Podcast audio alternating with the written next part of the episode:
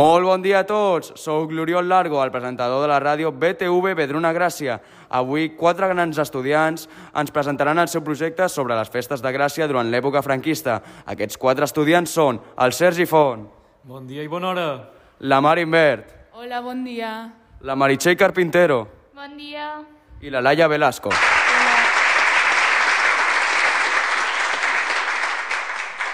Dit això, ara comencem.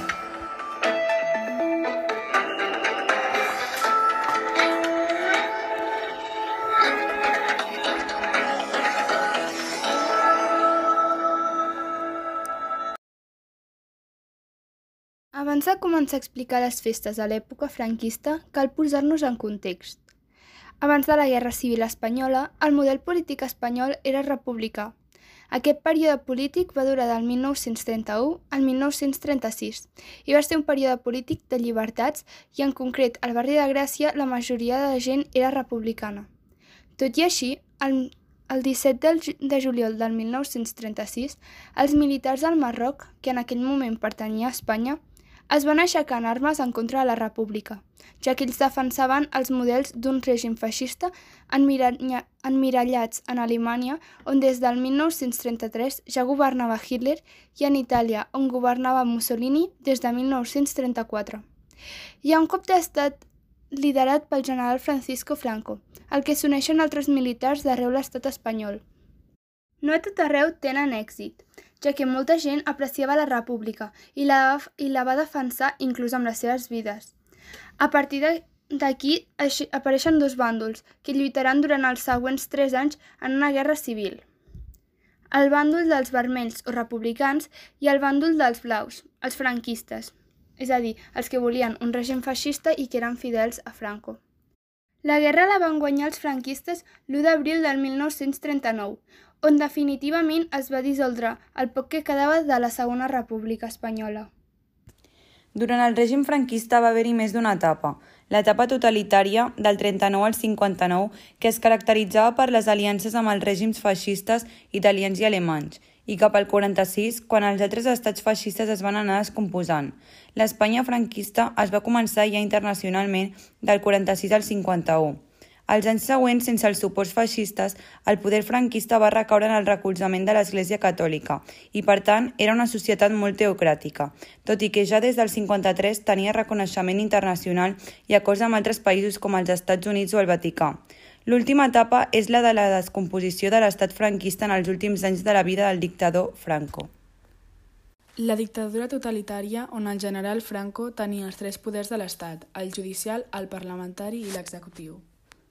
El capdillisme, un fenomen polític-social que s'associa a l'aparició dels líders carismàtics, homes d'armes, de personalitat forta, grans dots oratòries i popularitat entre les masses que ascendien al poder per mitjà de la força a través de cops d'estats, revolucions, alçaments armats, etc., i els que se li atribuïa la capacitat de resoldre els problemes de la nació. Franco es va programar capdill d'Espanya de forma antidemocràtica. La repressió sistemàtica en contra qui s'oposava al règim franquista. La repressió era tant física com econòmica, política o cultural. El centralisme i uniformisme en el que es volia fer fer una única nació amb la mateixa llengua i cultura, suprimint els pensaments que no fossin els patriòtics i nacionalistes. L'integrisme catòlic és quan la societat havia de ser catòlica i sobre aquesta regió requeia gran part del poder franquista. Aleshores, les festes de Gràcia existien abans del franquisme? Una processó festiva, el 1817, per retornar la imatge de la Mare de Déu al seu lloc original, va ser l'origen de la festa major de la Vila de Gràcia. Era el 15 d'agost quan els vilatans van celebrar amb balls i berenes populars el retorn de la figura al convent de Jesús, d'on era originària, ja que havia estat amagada a la masia de Cantrella durant la Guerra del Francès. Des de llavors, se celebra la Festa Major de Gràcia cada 15 d'agost amb guarniments als carrers per veure passar la processó. Als anys anteriors de la guerra, les festes de Gràcia eren un esdeveniment social molt important que no parava de créixer en nombre de carrers i embalats. A més, l'any 1936 s'havia format per primer cop una federació de carrers per gestionar les festes presidida per Fidel Payà i que va quedar en un no-res per la guerra. A causa de la guerra, els diners que es van recaptar per la federació van anar a parar a les milícies que anaven al front i a les viudes de guerra. Alguns dels pressupostos dels carrers van anar a parar a la construcció de refugis antiaeris com la plaça del Diamant. També s'ha de tenir en compte que durant la guerra Ara us parlaré dels primers anys de les festes amb el franquisme.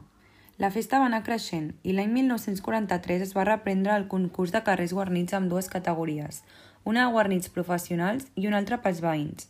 Es van anar recuperant any rere any fins que l'any 1950 va superar el nombre de carrers guarnits d'abans de la guerra. A més, l'any 1950 va ser el centenari de la independència de la Vila de Gràcia, pel que es va celebrar amb especial entusiasme. Fins al 1955, qui organitzava la festa major era una comissió oficial dintre l'Ajuntament. Des del segle XIX s'havien creat comissions de festes presidides simbòlicament per l'alcalde o el regidor de torn i els funcionaris públics s'encarregaven de gestionar-les i d'organitzar. Amb el creixement de la festa també va créixer la complexitat de la seva gestió, pel que es va fer necessària la creació d'una entitat autònoma i de caràcter permanent per gestionar les festes. En un principi es va crear una comissió de carrers dins de la comissió oficial, però amb la voluntat de controlar l'oci per part de les autoritats nacional catòliques es va buscar una entitat amb aquest fi. Així que l'any 1956 neix la Federació de Comissiones i Associaciones de la Fiesta Mayor de Gràcia, una entitat que agrupava carrers i places i que es centralitzava la programació i les ajudes públiques. El seu primer president va ser Gaspar Ribe Carbó, del carrer Benet Mercader, i la seva primera seu compartia local amb la, amb la Falanges a la plaça Lesseps. No sabem si el president era un falangista convençut, però sí que s'entenia amb les autoritats del moment i la federació estava bastant vigilada pel grup amb qui compartien local. En uns moments tan difícils i repressius, la festa major era un espai de llibertat controlada, on es podien veure i es permetien manifestacions de cultura popular que fins al moment havien estat prohibides i perseguides. Un clar exemple és la sardana, que les autoritats havien intentat arraconar, però a la que el poble es va aferrar. És important mencionar que la Federació va crear la plec de la Sardana de Gràcia, que va tenir un, un èxit aclaparador als seus primers anys el que demostra el caràcter catalanista d'alguns membres de la Fundació malgrat els temps que es vivien. També s'ha de dir que va continuar existint la comissió oficial pels actes més protocolaris i la majoria dels anys s'encarregava de la programació de la plaça de la Vila. La realitat social, però, estava canviant ràpidament perquè havien quedat enrere els anys de gana i misèria de la postguerra i una setmana de festa a l'estiu no era l'única opció d'oci i això va portar a llocs de treballs més ben pagats i la possibilitat de les famílies de poder estalviar. L'objectiu de molts era poder tenir un cotxe i una torre prop de la platja o muntanya perquè, patir que fos el cotxe i per mal comunicar que és la torre, va fer que moltes famílies l'estiu el passessin fora de Gràcia. Aquesta tendència alguns l'han anomenat la crisi dels 600 en referència del cotxe més vengut i assequible de l'època. Les festes de Gràcia perdien any rere any participants, visitants i carrers guarnits, i en el 1965 hi havia 77 espais de festa i en el 1970 en quedaven només 12. I per això en aquest procés es van perdre espais de festa que no s'han recuperat mai més, com ara el carrer Vic, l'embalat del Camp d'en Grassot, el carrer Milà i Fontanals o el carrer d'en Mateu. Amb la recuperació de la democràcia i la lliure associació, la Festa Major viu un moment d'impuls innovadors on sorgeixen un munt de noves associacions de veïns i comissions de festes que volen organitzar-se, associar-se i gaudir amb respecte i llibertat de l'espai públic. La federació es pot expressar lliurement i pot utilitzar, per fi, el seu nom en català, passant a anomenar-se Federació de Carrers de la Festa Major de Gràcia. És en aquest moment en el qual la federació pot actuar com a motor de la cultura popular catalana i màxima insígnia del moviment associacionista a la Vila de Gràcia. Presidida i constituïda pels, pels ciutadans voluntaris, organitza la Festa Major d'agost, un dels actes més populars i de major envergadura de la ciutat de Barcelona. Però també organitza d'altres activitats que serveixen per donar a conèixer i difondre la, la, la cultura popular catalana. Un bon exemple és la plec de la Sardana de Gràcia, que en aquella època es celebrava al Parc de Güell i es va esdevenir un dels més importants de Catalunya, amb presència, amb presència de fins a 10 cobles que són grups musicals formats per 12 persones que toquen instruments i centenars de visitants i una programació de 12 hores de sardanes. Actualment, a les festes de Gràcia hi ha molts més turistes i no es respira un ambient tan de bar. A part, ja no hi ha la motivació que hi havia abans ni l'emoció que hi havia perquè arribessin aquestes festes. Parlant de que és un ambient molt més turístic, també cal comentar que ja no es fan tantes activitats com antigament i les que es fan no estan tan concorregudes. Tampoc es fan embalats ni altres actes culturals religiosos que es feien en l'època franquista. Bàsicament, les festes ja no tenen tanta emoció ni tan bon ambient com abans. Han canviat molt els temps i estem en una nova època que esperem que sigui millor que la d'abans. Per tenir més informació vam fer un parell d'entrevistes a Ferran Pons, qui és un historiador que ha coescrit un llibre on parlant de les festes de Gràcia i on un dels seus capítols es parla de les festes de Gràcia durant l'època franquista i a Josep Maria Contel Ruiz, qui és un historiador i també participa en la decoració de les festes de Gràcia del carrer Verdi del Mig. Moltes gràcies als dos per col·laborar en el nostre projecte. Moltes gràcies. gràcies. Però abans de l'entrevista anem amb els anuncis. Tornem d'aquí 40 segons.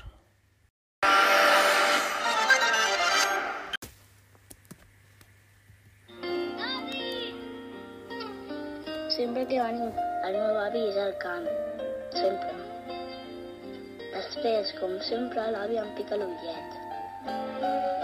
Només a Llavors, com sempre, talla unes llistes de pa. I el seu és fatec. Quan jo li pregunto per què sempre fa el mateix, ell em diu les coses bones no hauríem de canviar mai. I la veritat és que el meu avi té raó, com sempre, Espatec, Casa Tarradellas, Alta Casa. com sempre.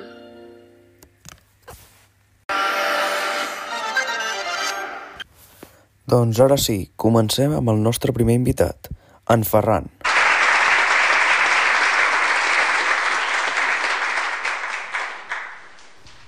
Com era la preparació dels decorats de les festes?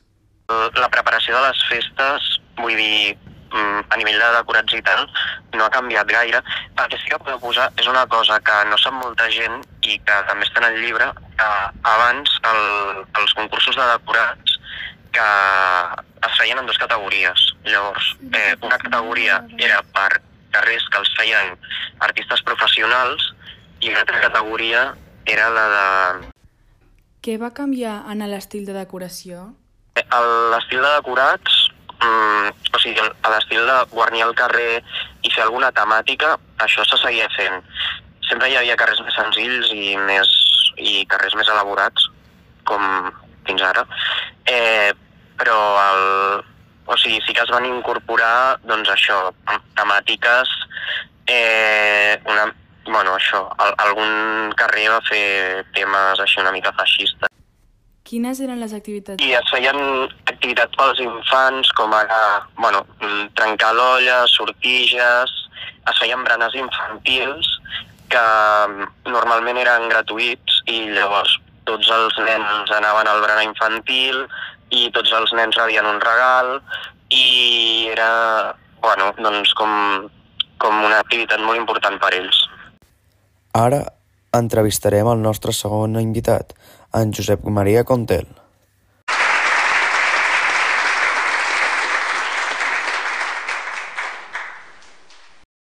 Vas anar o anaves als embalats? I després, quan, quan vaig ser algo més gran, vaig començar a anar a l'embalat, també vaig ser soci de l'embalat de la plaça del Diamant, no? Uh, recentment vaig descobrir que el meu avi, abans de la guerra, havia sigut també soci de l'embalat de la plaça del Diamant. Eh, vaig estar durant uns anys en anar a l'embalat de la plaça del Diamant, més que res com a efecte social, no, no per anar a ballar, perquè no, no ballava ni res, però vull dir, com a efecte social en els companys no? de, de, de, del voltant, no? del voltant de la plaça, de per allà, que ens trobàvem i que, clar, viure al costat de la plaça del Diamant, sempre això és, la plaça del Diamant marca molt, no? Llavors anaves i eh, anaves a veure la sessió de tarda, la sessió de nit, la sessió que repetien, no? O sigui, a la sessió de tarda eh, feien una programació, no? Eh, I a la nit tornaven a repetir la mateixa sessió de la tarda, no? Llavors, com al ser soci, podies entrar, no? Vull dir, podies córrer per allà i veure, i veure les dues sessions tranquil·lament. Les dues sessions en, les, en els diferents grups que tocaven en allà, la lluita lliure, eh, bueno, totes aquestes coses que, que, que, que es feien. Quines restriccions recordes de l'època franquista?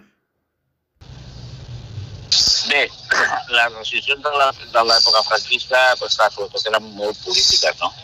I no, no permetien dir associacionisme, vull dir, tot en castellà, no, no, era, era tot prohibit, o sigui, per exemple, quan es feien les assemblees, les assemblees de socis, no? les assemblees, eh? no les reunions de la Junta, les assemblees de socis, tenies que demanar permís eh, a la policia i tal, al govern, al govern civil i a la policia per fer aquesta assemblea, i després tenies que, ràpidament tenies que portar l'acte del que s'havia decidit allà, i penseu que en aquell mateix moment eh, tu eh, eh, eh, l'acte de, de, dels fets i, i tu, allà sí que això volia dir que eh, eh, quan tu feies una assemblea també podia ser que la policia vingués a escoltar l'assemblea que estaves fent.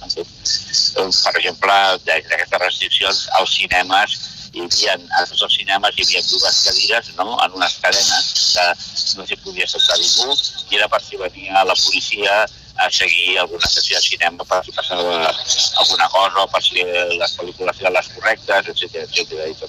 Respecte a les festes, el guarnit, etc., va canviar alguna cosa per culpa del franquisme? No, no, no, vull dir que ho anava fent i anar, bueno, mentre no fiquessis en, en política no passava res, m'entens? Vull dir, eh, mentre no fiquessis en coses que no tenies que ficar-te, doncs ningú deia res. Però va haver un carrer que va decorar amb camises blaves, no? I li van destrossar. Bé, això, eh, no, bueno, això són coses que diuen i jo, jo només em baso en el que, en el que he llegit també, vull dir, sí, hi ha coses que al carrer Llibertat, bueno, van fer un, una gàbia, una gran gàbia, i algú va posar, algú va posar, eh, eh, la llibertat enjaulada, no? Eh, o llibertat enjaulada, però hi van tindre problemes, però no era, no era ni el títol del carrer oficial ni en aquestes coses, que algú ho va posar i va haver-hi problemes, i les camises blaves penso que era el carrer Pere Serafí, i que bueno, van fer camises blaves o camises viejas, van posar camises blaves i van posar, o, o camises i van posar camises viejas, no sé, perquè hi havia... Són aquestes coses que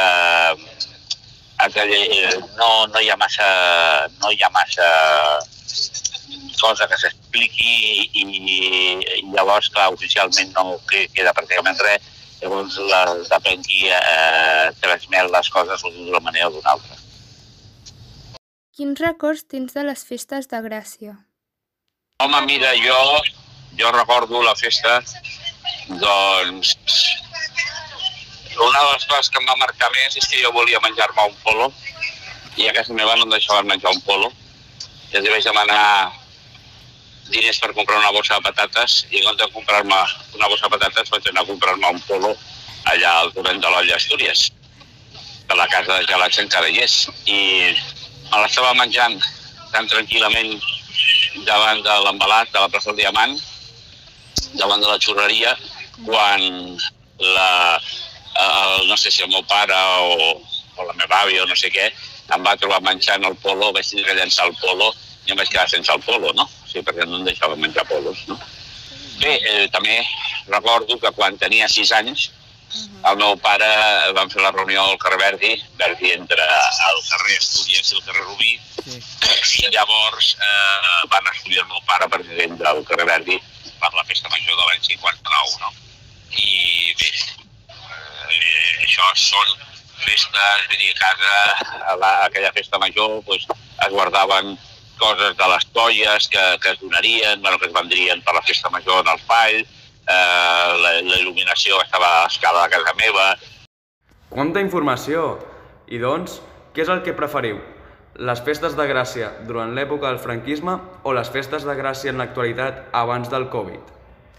Jo crec que és millor les, les festes de Gràcia ara, perquè hi ha molta més llibertat que quan hi havia, o sigui, quan era l'època franquista, ja que amb, amb la dictadura, o sigui, tant el català com molts altres aspectes culturals de, de la vida catalana estaven molt reprimits. Sí, però abans era una festa més de veïns i no hi havia tants turistes. Però ja, però els turistes ajuden molt a l'economia tant del barri com de la ciutat. O sigui, sí, sí que ens molest, sí que ens poden molestar durant la nit, però realment sense ells mo molta part de l'economia que hi ha durant, la, o sigui, durant les festes de Gràcia es perdria i a l'estiu és molt important. Però a veure, ara només es fan el, el guarniment de carrers, en canvi abans es feia menjars i totes les activitats. A més, una de les coses que s'ha perdut són els embalats de les places, que en aquella època eren molt importants perquè era el lloc on es reunia la gent i es socialitzava. Sí, però a veure, qui socialitzava? Socialitzaven els joves. A més, mm, o sigui, en aquells moments la relació entre, home, o sigui, entre nois joves i noies joves era com tot molt, era bastant masclista i a més algunes de les activitats, com un dels concursos de bellesa que es feien, que es deia la pubilla de Gràcia, eren molt masclistes, ja que només es valorava a la dona per la seva experiència i com, com un trofeu, o sigui, que realment, doncs, eren unes activitats que eren bastant masclistes que ara no hi ha. Sí, sí, en això tens raó. Sí, però encara que ara hi ha més igualtat, el problema encara no està solucionat del tot. D'acord, però ara ja centrant-nos més en el tema dels decorats i els guarnits, cal recalcar que en l'antiguitat i en l'època franquista no respectava tant els guarnits ni la gent que els havia fet, ja que els, hi havia molts destrossos, no com ara que l'ambient és molt més tranquil. De fet, va haver-hi un carrer que va fer un decorat en contra del règim franquista i va ser destrossat al moment. Sí, pels feixistes. Sí, tot i que ara també hi ha algunes destrosses, ja que molts joves de Barcelona i fora de Barcelona, per la nit o van beguts o el que sigui, al matí següent eh, els veïns es troben tots els decorats, alguns destrossats. També cal comentar que abans era una de les festes més importants de Barcelona i ara, avui en dia, és una més, ja que cada barri té la seva i no és tan important com abans. Sí, però a veure, si t'hi fixes, a les notícies, tant, tant d'aquí Catalunya, TV3, com de manera nacional, si us hi fixeu, sempre apareixen les festes de Gràcia a l'estiu a, a les notícies i són festes que són molt destacades. Sí, i de fet, tot i que les festes ara siguin molt més turístiques, s'ha de comentar que jo, per exemple, que participo en les festes, m'agrada trobar-me amb els veïns quan, la, quan les faig i les disfruto amb ells. D'acord, nois. La meva opinió és que tant les festes d'ara com les d'abans tenien les seves avantatges i desavantatges, però les dues tenen alguna cosa en comú, i és que són per passar un bon temps tant amb la família com amb els veïns. Doncs fins aquí el nostre podcast. Esperem que a tots us hagi agradat. Moltes gràcies, nois, per venir. Espero que hi hagin més voluntariats com vosaltres que vinguin a expressar les seves idees en aquesta bona cadena ràdio, BTV Vedruna Gràcia. Si us plau, torneu-vos a connectar el següent dimecres. Fins ara. Adéu! Adéu, Oriol!